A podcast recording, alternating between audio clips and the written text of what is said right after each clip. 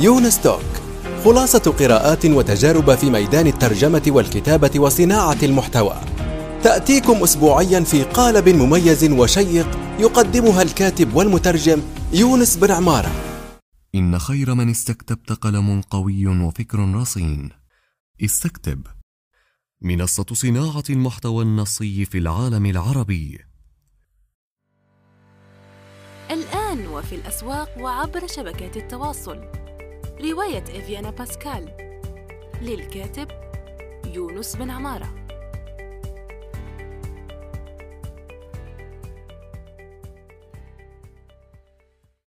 السلام عليكم ورحمة الله وبركاته. في حلقة جديدة وعدنا يعني بعد غياب طويل أو متوسط المدى يعني.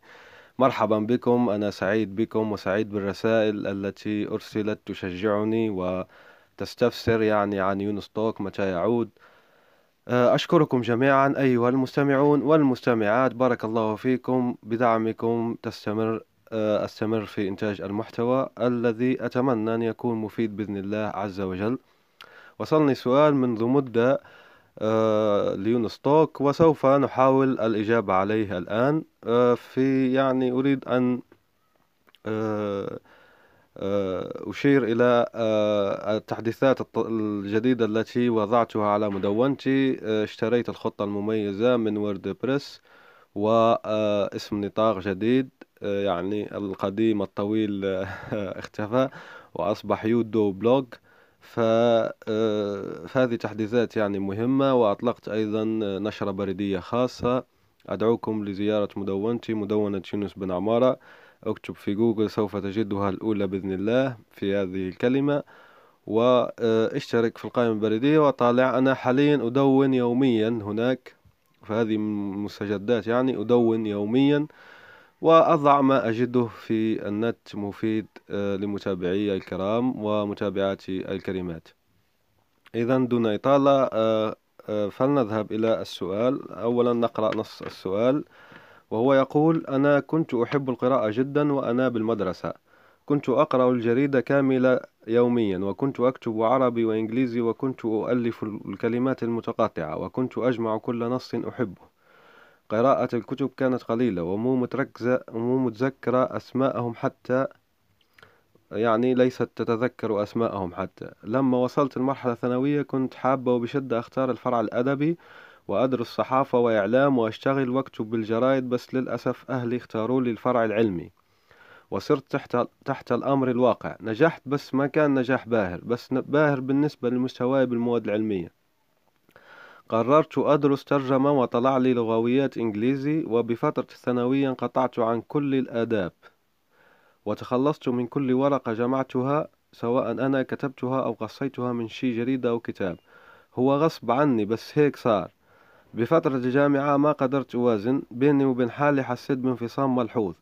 مع دراسة الفيزياء حسيت حالي شخص عبقري بالمواد العلمية ومكاني مو كلية اللغات مع أنه حلمي صحافة وبحب الكتب بس ما بقرأ وبتابع الناس اللي عم تكتب بس ما بكتب وهكذا. مع الوقت حاولت أرجع أقرأ بفترة الجامعة قرأت تقريبا أقل من عشرة كتب بس ما قدرت أرجع أكتب ولا أقرأ جرائد سؤالي كيف بقدر أبدأ بالقراءة من جديد. الترجمة بتساعد بأني أستعيد قدرتي أنه أكتب سؤال يعني والحاجز اللي صار يمكن نفسي بس أثر على الفكرة كلها. فهذا نص السؤال كاملا الذي أرسلته آه، الأخت حنين. بارك الله فيها. فنحاول الإجابة عنها. أنا خرجت يعني ببعض النقاط التي أنصحها وسوف أركز في هذه النقاط على الحالة الخاصة آه، للأخت الكريمة السائلة. ليش؟ لأنه يعني هي راح تفيد العموم لكن هو حل يمكن آه، مخصص مخصص يعني وبإذن الله يفيد العموم لكن هو مخصص لهذه الحالة بالضبط.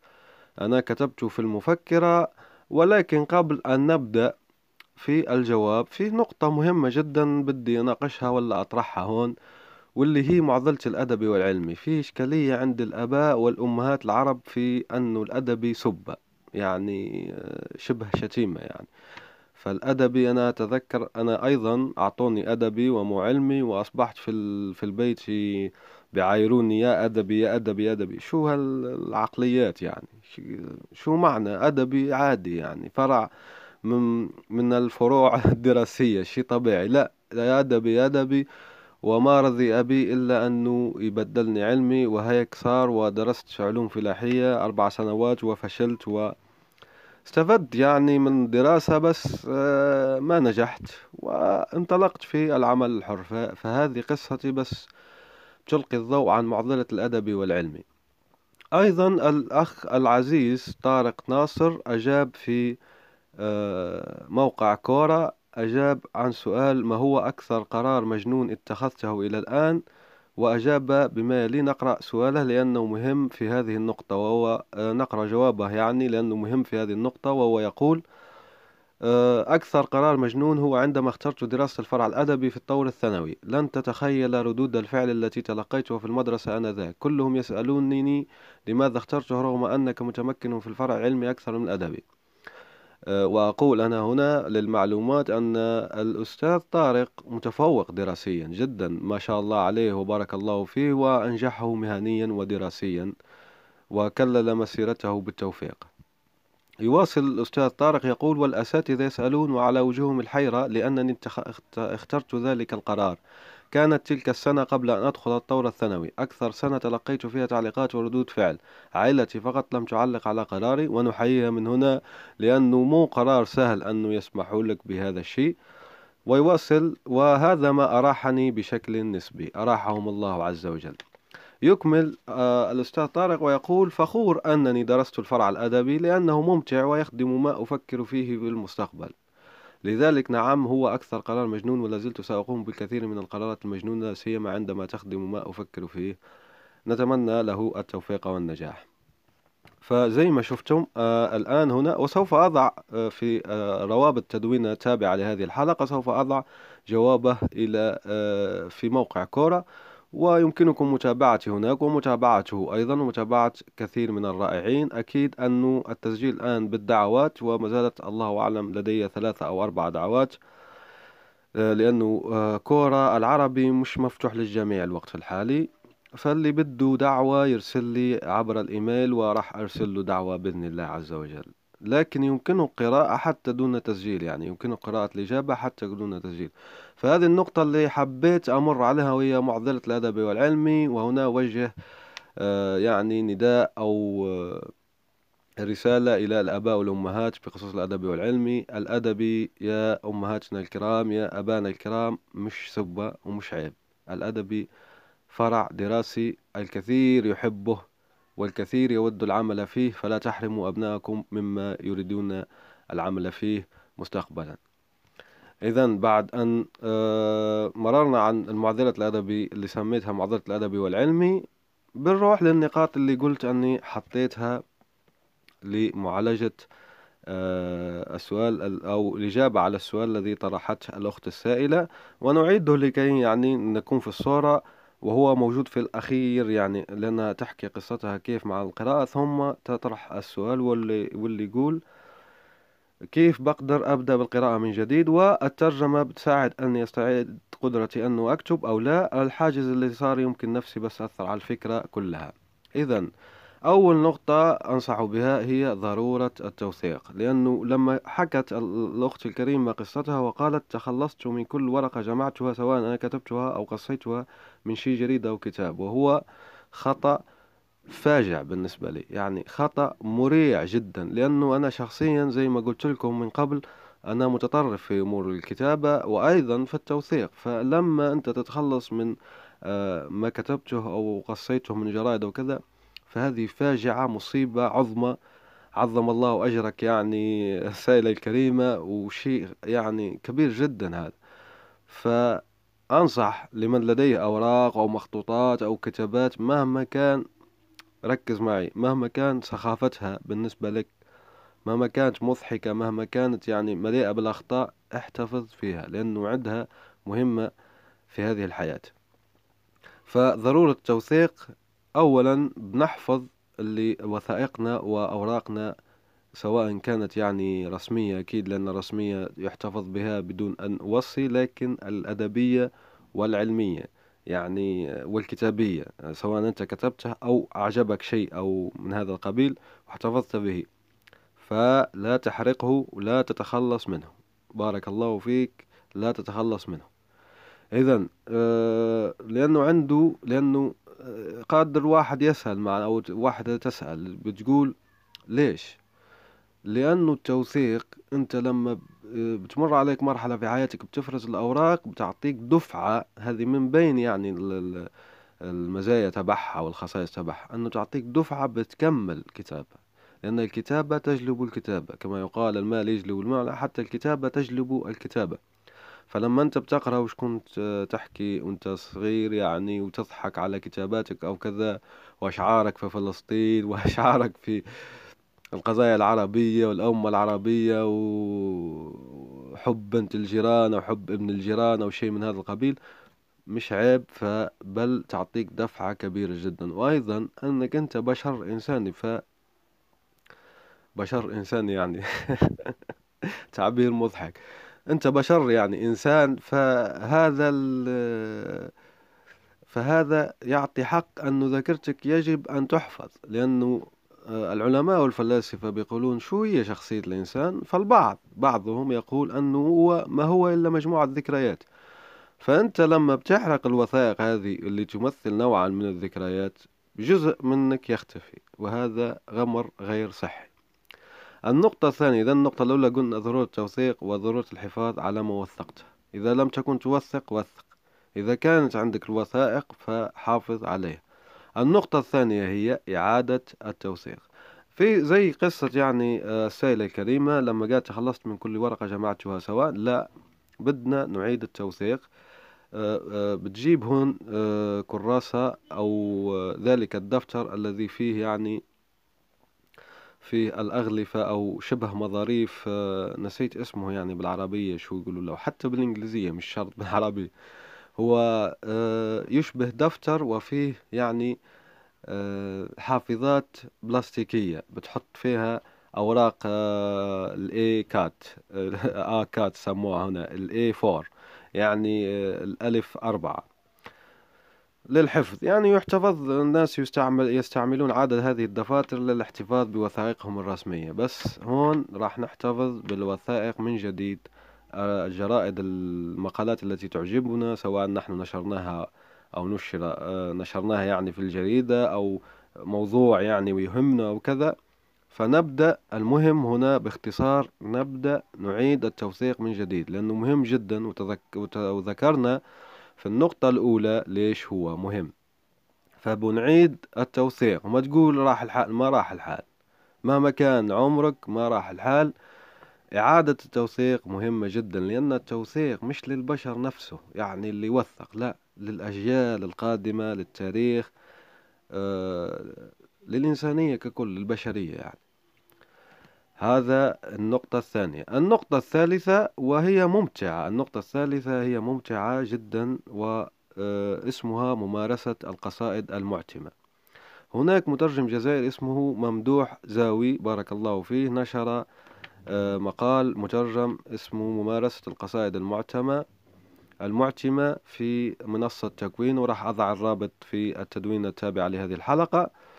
الأستاذ ممدوح زاوي آه، فصل شو هي القصائد المعتمة القصائد المعتمة آه، هي عبارة عن فن شعري جديد يتم كالآتي. بتروح تشتري جريدة سواء إنجليزية فرنسية عربية ولما تشتري جريدة وتشتري أيضا معها آه، قلم آه، لبات كما يقال أو يعني هنا نقول له فاتر يعني. فبال فالقلم ذلك الذي آه، يكتب به يعني في الصبورة التي تمسح يعني الصبورة البيضاء المشهورة في هذه الأوقات. فتشتري ذلك القلم وشو تعمل؟ بتقص مقال مثلا من الجريدة وبتعتم الكلمات يعني بتظلل بتمحي بذلك القلم الأسود تمحي الكلمات اللي مو مهتم بها وتخلي فقط كلمات تعجبك.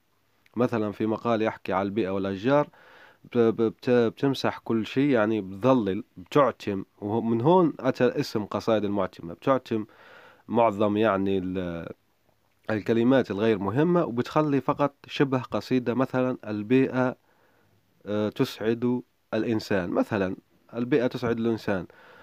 في الأسطر يعني بتخلي البيئة تسعد الإنسان فقط والباقي كامل تظلله فهذا ما يسمى فن القصائد المعتمة. وللتوضيح أكثر راح أضع في رابط هذه التدوينة نموذج عنه يعني حتى الأستاذ محمد زاوي عمل نموذج الله أعلم بالعربية سوف أطلب منه في وقت لاحق ويعطيني الصورة وراح أضعها في التدوين التابع لهذه الحلقة. ممارسة قصائد المعتمة تصلح جدا لكم وهي ممارسة فنية ممتازة أسسها وابتكرها آه، أوستن كليون. وأوستن كليون هذا ترجمت له بالعربية آه، ترجمت له دار شفق الكويتية بارك الله على القائمين فيها ترجمت له اسرق كفنان وكتاب آخر نسيت عنوانه الآن وهو مفيد أنصح يعني باقتنائه والاطلاع عليه نذهب الآن إلى النقطة التالية وهي النقطة الرابعة الاشتراك في الجرائد هل ما سمعته صحيح؟ الاشتراك في الجرائد شو مين يقرأ الجرائد في هذا الوقت؟ نعم هناك من يقرأ الجرائد وهناك عودة قوية بإذن الله عز وجل للجرائد فبنشترك وهي لحسن الحظ رخيصة الوقت الحالي فبنعيد نشترك في الجرائد. هناك أيضا تجربة ناجحة في الحدود اللي أطلقت جريدة وعدد مشتركيها في ازدياد أنصح أيضا بدعمها والاشتراك إن كان في قدرتي كذلك. فالجريدة تبع الحدود وغيرها يعني من آه، المبادرات الطيبة بتخلينا نتفائل وإن نسبيا بشأن الجرائد. أنا كتبت مقال مفيد على الموضوع راح أضع رابطة في التدوين التابع لهذه الحلقة بيحكي بالتفاصيل والأدلة عن العودة القادمة بإذن الله للجرائد الورقية. فنحن هنا نساهم في هذه العودة بماذا؟ بالاشتراك. النقطة الخامسة هي صحبة جيدة أي أصدقاء جيدين أي يعني محيط بيئة صحية جيدة بتشجعك على القراءة والكتابة. فبتفلتر ترشح يعني تعمل فرز لأصدقائك وبتختار الجيد منهم بالأخص اللي بيشجعك اللي يعطيك حماس على القراءة والحماس على الكتابة. وهذه النقطة أكيد واضحة لأنه يعني معروف البيئة كيف تأثر يعني الصحبة كيف تأثر على الإنسان فلا داعي لأن نفصل فيها. النقطة الأخيرة والسادسة هي إعادة الشغف. أنت آه الأستاذة حنين قلت يعني أنك بتحبي الصحافة وحلمي صحافة وبحب الكتب بس ما بقرأ وأنك بعدين قرأتي يعني درستي في الجامعة الترجمة وكذا. هنا في حل ممتاز جدا واللي هو أنك تجمع بين أحلامك في شيء واحد وهون الصحافة مثلا وبحب الكتب وتخصصي الحالي ترجمة مثلا. فهون الأشياء يمكن جمعها في في العمل لدى سواء تطوعي أو مدفوع لدى ملحق ثقافي. ليش؟ لأنه الملحق الثقافي أولا ينتمي إلى الصحافة. هذا رقم واحد. رقم اثنان أنه الملحق الصحافي الملحق الثقافي لجريدة معينة مثلا وفي الأردن هذا منتشر كثيرا يعني والفرص موجودة. فأنت مثلا بتكتب عن كتاب جديد تكتب عن كتاب هذا الكتاب أعجبني وهذا ملخصه وكذا فبتترجم ملخص عن ذلك الكتاب اللي قرأته بالإنجليزية وبتكتب في ملحق آه، ثقافي لجريدة ما.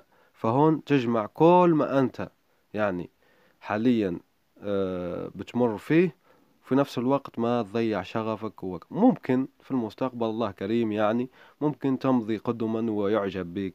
مدير التحرير ويرقيك يعني ويخليك رئيس الملحق الثقافي لتلك الجريدة ثم تترقى أو تجد مؤسسة أخرى أو شيء من هذا القبيل. المهم أن الفرص لا نهاية لها. ففي هذه النقطة نركز عن جمع ما أنت فيه في منتج واحد. هنا أعطيت أعطيتك أنا مثل مثال مثال فقط لكن لا تقتصر عليه. وهو أنك لما تحب الكتب وأنك آه، تدرس ترجمة في آه، أكاديميا يعني تدرس ترجمة وبتحب الصحافة هل الثلاثة أشياء تساوي العمل لدى ملحق ثقافي؟ لجريدة ما أو موقع ما مثلا حبر مثلا إضاءات أي شيء من هذا القبيل. مو شرط يعني يكون ورقي أو لا لا تحصر نفسك يعني في شيء معين. بس إذا فيه ورقي أيضا مقبول جدا بل ومحبذ. فهذا مثل فكر مع حالك وراح تلقى أمثلة تجمع. ما أنت فيه بتطلع الشيء يعني وتعيد شغفك ولا تنساه ولا تضيعه ولا يعني تتحسر على ما مضى. أرجو أن أكون قد أفدتك في هذا آه، في هذه الحلقة وأرجو أن أكون قد أفدتكم جميعا في هذه الحلقة. بارك الله فيكم. لا تنسوا دعمي بشراء نسخة أو أكثر من رواية فيانا باسكال هي متوفرة حاليا على خمسات بادل.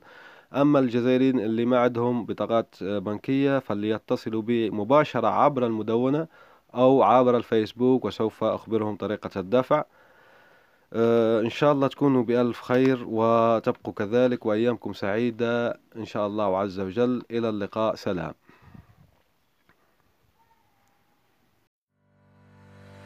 الآن وفي الأسواق وعبر شبكات التواصل. رواية إفيانا باسكال.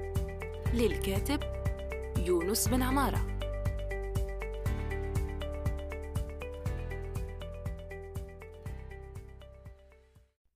نأمل أن يكون موضوع هذه الحلقة قد نال استحسانكم. انتظرونا في الأسبوع القادم ولا تنسوا مشاركة الحلقات والاشتراك بالبودكاست. علما أنه بإمكانكم مراسلتنا باقتراحاتكم للتحدث عن أي موضوع يتعلق بالكتابة والترجمة وصناعة المحتوى.